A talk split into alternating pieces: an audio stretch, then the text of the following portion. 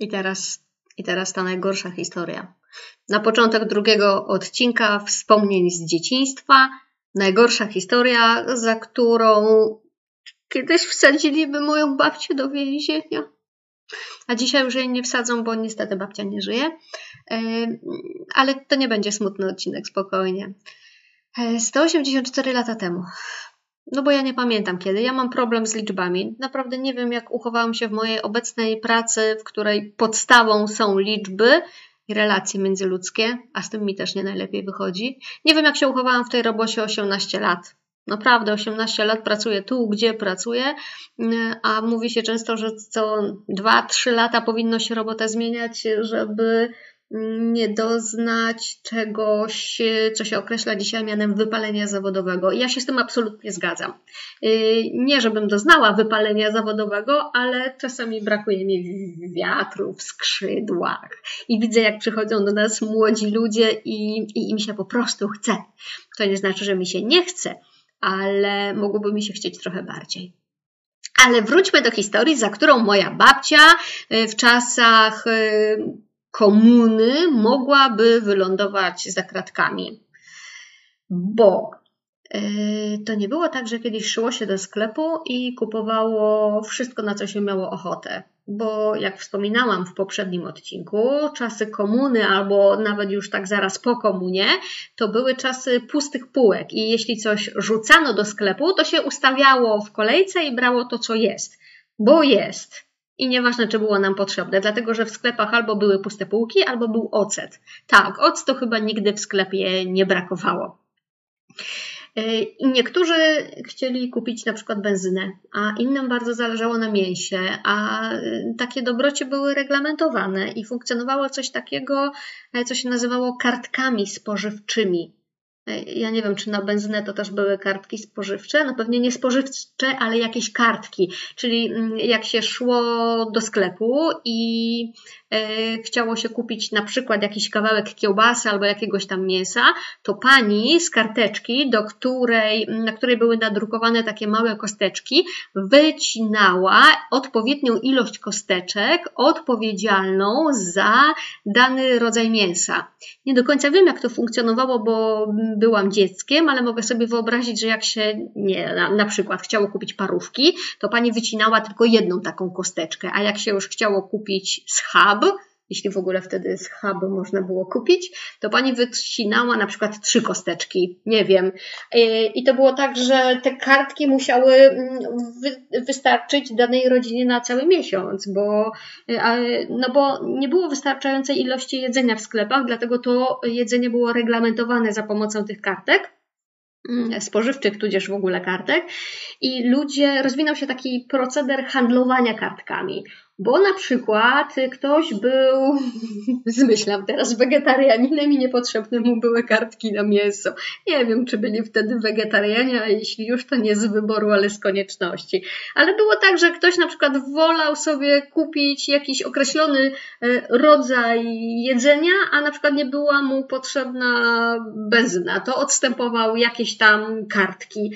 To chyba nie było tak, że te kartki były tematyczne, czyli że możesz sobie kupić benzynę albo za tamtą kartkę możesz sobie kupić jedzenie, ale nie wiem, może były jakieś kartki na artykuły przemysłowe i na, na artykuły spożywcze, czy to po prostu była kartka i tylko, i tylko był jakiś wykaz, który określał, że za litr, że możesz kupić, nie wiem, na jedną kartkę możesz kupić na przykład 10 litrów benzyny. Nie, nie mam pojęcia. Nie mam pojęcia, w każdym razie handel kartkami yy, kwitu I zmierzam do tego, że nawet jak się kartki miało i chciało się kupić alkohol, to tego alkoholu w sklepie nie było, albo było go za mało, albo sklep był zamknięty, bo nie było nocnych sklepów, ale funkcjonowało coś takiego, co się określa chyba brzydkim mianem. Tak myślę, że to brzmi niefajnie, ale mówiło się na to meta, czyli prywatna inicjatywa. I to nie było miejsce, może też było, nie wiem, ale w każdym razie to określenie dotyczyło miejsc, w których zawsze można było kupić alkohol, bo było wiadomo, że obojętnie o której godzinie tam się pójdzie, zastuka na jakieś określone hasło albo na ładne oczy, nie wiem, y, można było dostać flaszkę. Oczywiście w zupełnie innej cenie niż w sklepie. I może to już nawet były czasy, kiedy tych kartek nie było. Może. Nie wiem. Tak trochę mam zamglony ten obraz z przeszłości. W każdym razie na kartki czy na nie kartki, ale brakowało wody w sklepie. I tą wódkę można było kupić między innymi u mojej babci. Tak, na tym dziewiątym piętrze wieżowca. Moja babcia miała zawsze odpowiedni zapas. Skąd ten zapas się brał w jej domu? Nie mam zielonego pojęcia. Nie wiem skąd babcia miała wódkę, ale babcia wódkę miała. I to nie jest tak, że dziadek pędził bimber na przykład, bo to było bardzo modne wtedy, że się pędziło bimber i było się samowystarczalnym. Nie, dziadek nie robił takich rzeczy. Więc skąd ta babcia tą wódkę miała, nie mam zielonego pojęcia, ale wiem, że ona zwykle stała za drzwiami w pokoju. I były tam też puste butelki. Ja wpadłam na taki genialny pomysł, z moim kuzynem. Wspominałam o nim w poprzednim odcinku, tak? Z tym kuzynem, który nie zadrapał tego samochodu kamieniem, e, ale to był chyba znowu mój pomysł. Jezu, ja chyba nie byłam grzecznym dzieckiem, a tak lubię o sobie myśleć, że nie sprawiałam rodzicom kłopotów, ale jednak może wobec tego byłam grzeczną nastolatką, a dzieckiem jednak niesubordynowanym. No na to, na to teraz wychodzi. Mamy dowody, docieram. Docieram do nich jak na spowiedzi. I widziałam te puste butelki i postanowiłam z moim kuzynem, albo namówiłam go na to, albo poprosiłam go o pomoc. Nie wiem, tu już y, moja wyobraźnia odmawia współpracy, moja pamięć.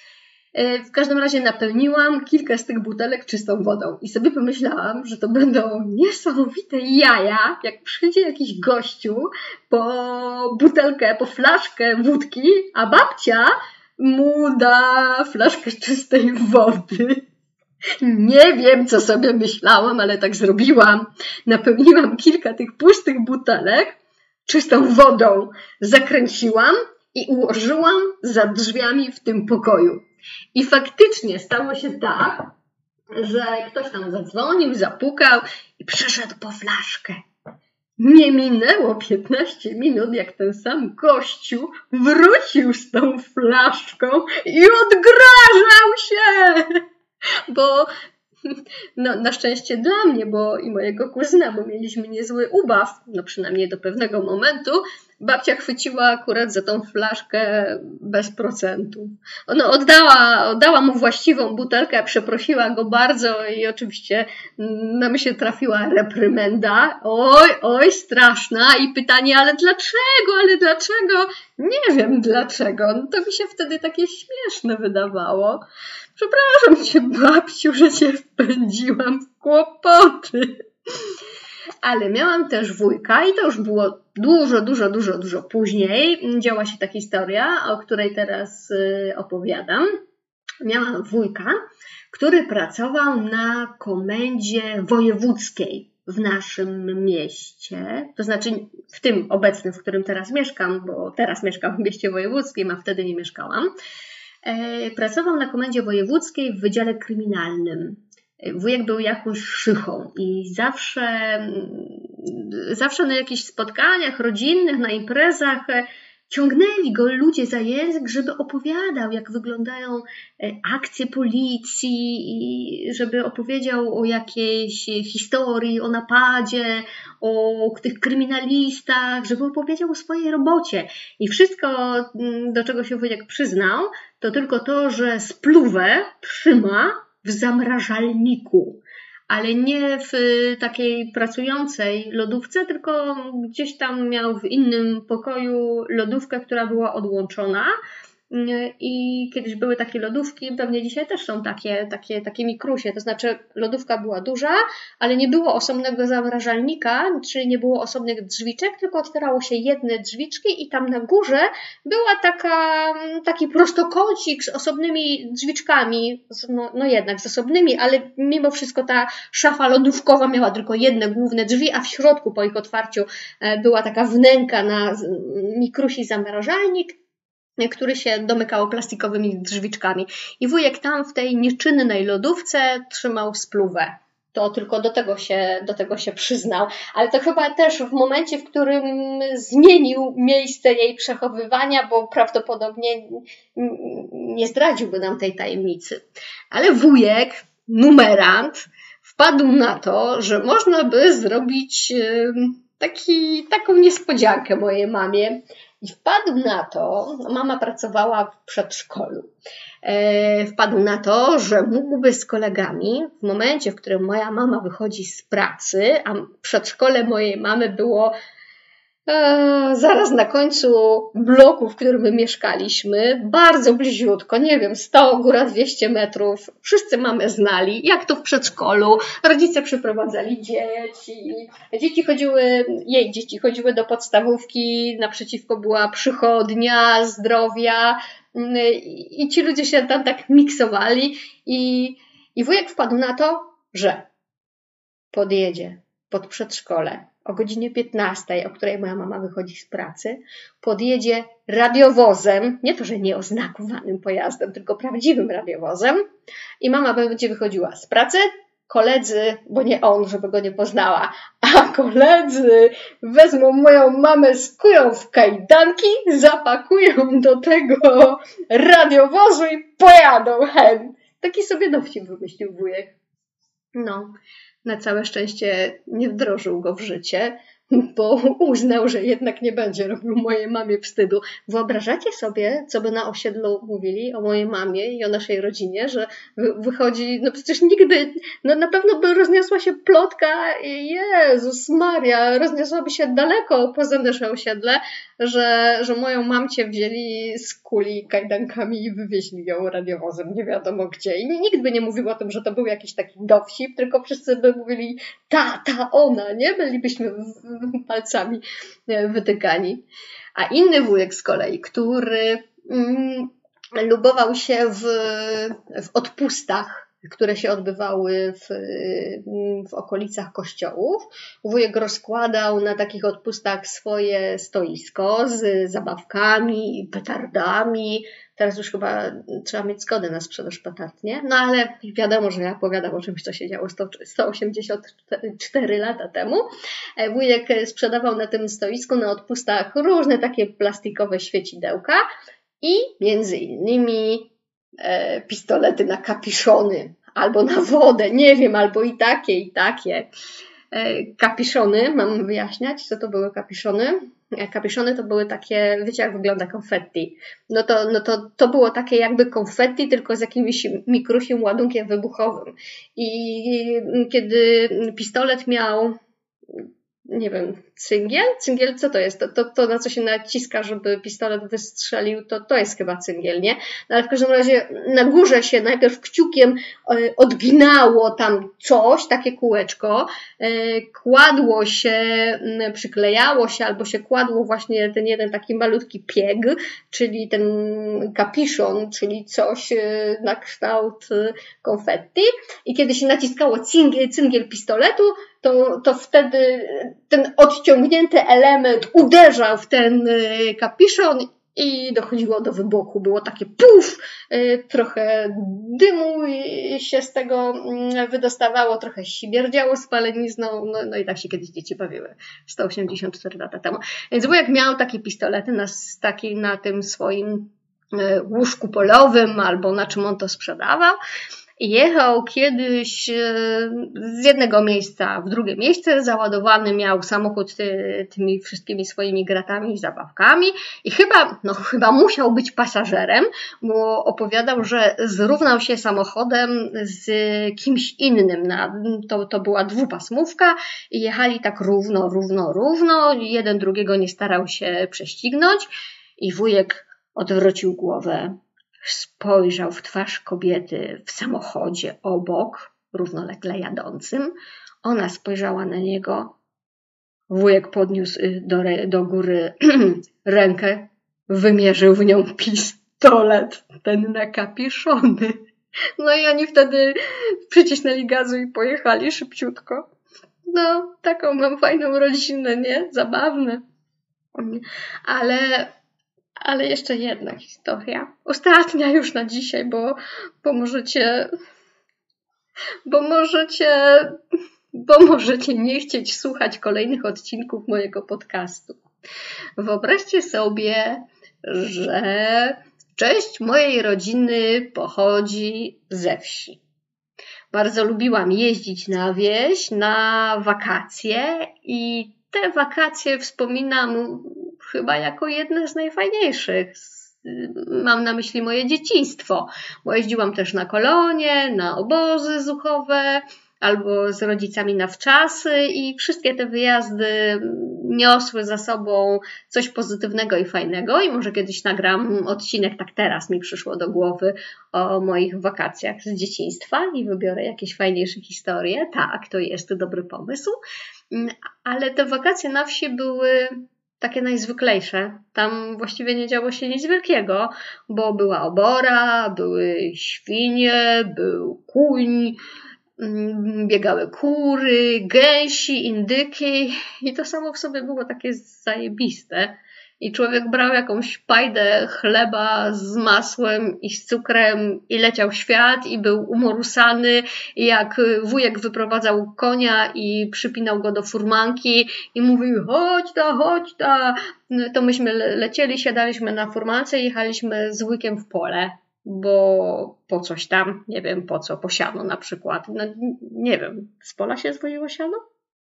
Chyba tak, nie?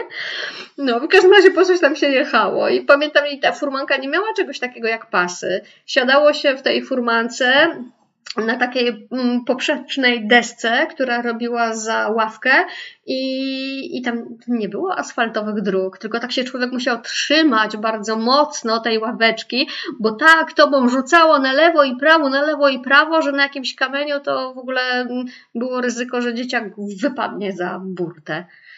Więc bezpiecznie było zejść tej ławeczki, sunąć się do środka i, i, i tam siedzieć, bo przynajmniej miało się jakieś oparcie dla pleców. No chyba, że się wracało już na tym sianie. No nie, no to chyba jednak jechaliśmy e, po siano, bo, bo pamiętam, że takie wielkie kopne wozy były i nas sadzano razem z widłami na tym sianie kurczę, fajnie było jechać na wieś. Ja nie wiem, czy jeszcze dzisiaj jest taka wieś, taka prawdziwa, z taką prawdziwą oborą, mm, z prawdziwą studnią, bez wody w mieszkaniu i w domu i bez i bez, i bez toalety. Znowu, znowu bez toalety. No ale Teraz już mają i wodę sobie podciągnęli, i toaletę mają w domu i już teraz żyją w cywilizowanych warunkach, ale to już nie to moje wujostwo, tylko ich dzieci, które dorosły, bo wujostwa też już nie ma. E, ale tak, tak z sentymentem wracam do tych historii. I to moje wujostwo postanowiło wyprawić wesele swojej córce, która od kilku lat mieszkała w mieście. Yy, wyprowadziła się ich córka, zresztą nie jedna, mm, ale ta konkretna, wyprowadziła się do miasta, do tego, w którym my mieszkaliśmy. Odwiedzała swoich rodziców na wsi w ciągu roku, pomagała pewnie przy mm, przy żniwach, ale przy tych żniwach nigdy nie pomagał jej ówczesny narzeczony. Zawsze miał pracę przynajmniej tak mówił, że no bardzo by chciał, ale nie może, bo on musi do pracy. I nigdy na żniwa nie pojechał, żeby tym swoim przyszłym teściom pomóc. Mm. No, ale postanowili swój związek sformalizować. Yy, wesele miało się odbyć na wsi. Mm, jak dziś pamiętam, że straszny ksiądz poza, już po, tymi, po tych zaślubinach, jeszcze chyba przez Mam wrażenie, że przez kolejną godzinę klepaliśmy różaniec. Naprawdę, klepaliśmy różaniec. Ja nie wiem, może, może to wtedy było takie normalne, a może on był złośliwy. Nie wiem, dłużyło mi się to przeokrutnie. To był październik, tak, to był październik i było dosyć chłodno i ja już chciałam na to wesele. Wesele odbywało się w kilku miejscach, to znaczy na posesji mojego wujostwa, przy czym rodzina pana młodego, czyli tak zwani miastowi, zostali zlokalizowani w domu, w pokoju. Natomiast rodzina pani młodej została zlokalizowana w stodole Tam były drewniane ławy i stoły, i jedni i drudzy mieli i kupę jedzenia, i kupę wódki, i było fajnie do któregoś momentu, zaraz do tego dojdę. A te dwie rodziny spotykały się na podwórku Mm, gdzie był rozłożony wielki namiot, taki hangar wojskowy chyba. Tak mi to zostało w pamięci. W każdym razie taki wielki, wielki, wielki namiot. Y, były tam ustawione podesty dla orkiestry, bo oczywiście była prawdziwa orkiestra. Mm, I tam na tych podestach, to znaczy orkiestra siedziała na podestach, y, grała, a, a my to nie wiem, ale my w tym namiocie tańcowaliśmy. Ja miałam 14 lat, może 15, plus minus, nie wiem. Byłam druchną. No i spodobał mi się drużba, ale nie mój. I wybraliśmy się na, na spacer na tej wsi. Ci wszyscy tam tańczyli, jedli, albo się przy takim koksowniku na zewnątrz ogrzewali, bo było już y, pewnie w ciągu dnia jeszcze znośnie, ale w nocy jednak było zimno, a wódka nie rozgrzewała albo nie wszystkich. I wiem, że staliśmy przy tym koksowniku i tam wyciągaliśmy ręce i się ogrzewaliśmy. No i ja postanowiłam, zaprosiłam tego drużbę, albo on zaprosił mnie, albo nie wiem jak. W każdym razie zdecydowaliśmy, że a przejdziemy się po wsi. No i przeszliśmy się, obeszliśmy całą wieś dookoła i kiedy już dochodziliśmy do domostwa moich, y, mojego wujostwa, zauważyliśmy, że czerwone światełka oddalają się od tego miejsca. Nie wiedzieliśmy, co jest grane. Ludzie w popłochu pakowali się w samochody i jechali przed siebie. Co się okazało? Okazało się, że zaraz po oczepinach, czyli po północy, przyjaciel pana młodego w rozmowie z ojcem panny młodej, pani młodej, już nie panny, pani młodej, e, przyznał, że ta cała historia z tymi żniwami, w który, przy których nie może ich zięć pomóc, to jest jedno wielkie kłamstwo, bo ich zięć nie ma roboty. Ich zięć jest bezrobotny, więc zięć nie chciał im pomóc, kropka. Wujek się wkurzył. Nieprawdopodobnie. A wujek nie pił wódki. Oj, wujek nie pił wódki, żeby tu była jasność. Wujek nie pił wódki, ale wujek był takim prawdziwym chłopak ze wsi, w takim pozytywnym rozumieniu, że, żeby było jasne, nie ma tu negatywnych konotacji. Taki prosty chłop, ale taki z wielkim sercem na dłoni. I kiedy kiedy dotarło do niego, że przez dłuższy czas był robiony w bambuko, to się wkurzył. I jak to na wsi? Postanowił, a może nie tylko na wsi, bo podobno wesele bez bijatyki to żadne wesele i to nie musi dotyczyć wsi wyłącznie. I postanowił wymierzyć sprawiedliwość. Rzucił się, a przynajmniej próbował, na swojego zięcia. Zamachnął się i chciał tą pięścią trafić w niego. Ale wiecie, co się stało. Ale jego zięć miał już żonę. I żona rzuciła się mu na pomoc i osłoniła swoim ciałem swojego świeżo poślubionego kilka godzin temu męża. I cios, który wujek wymierzał zięciowi, trafił e, pod oko jego córki. I do tego jeszcze rzucił hasło, że wszyscy z miasta X wypierniczać. I dlatego ci ludzie zaczęli się w popłochu pakować. Czyli tamtejsi, yy, tamtejsi, tamtejsi, którzy zamieszkiwali to, tą wieś, mogli zostać i bawić się do rana i tak się zresztą stało. I pamiętam, że moja mama też taka przestraszona, bo z tego miasta X i tak yy, patrzyła na tego wujka i, i pytała, wujku, ja też? A on mówił, nie Ircia, ty możesz zostać. Bo my co prawda byliśmy z miasta X, ale byliśmy od strony pani młodej, a nie pana młodego. Więc Weselisko trwało do białego rana, z tym, że nie było już połowy gości, ani pary młodej, ale orkiestra grała. No, fajnie mieć rodzinę. Życzę Wam samych fajnych wspomnień e, i tego, żeby Wasze więzy rodzinne mm, były ciepłe, były serdeczne i że nawet jeśli w waszej przeszłości coś nie tak się układało między wami, to rodzina jest zawsze rodziną, pamiętajcie.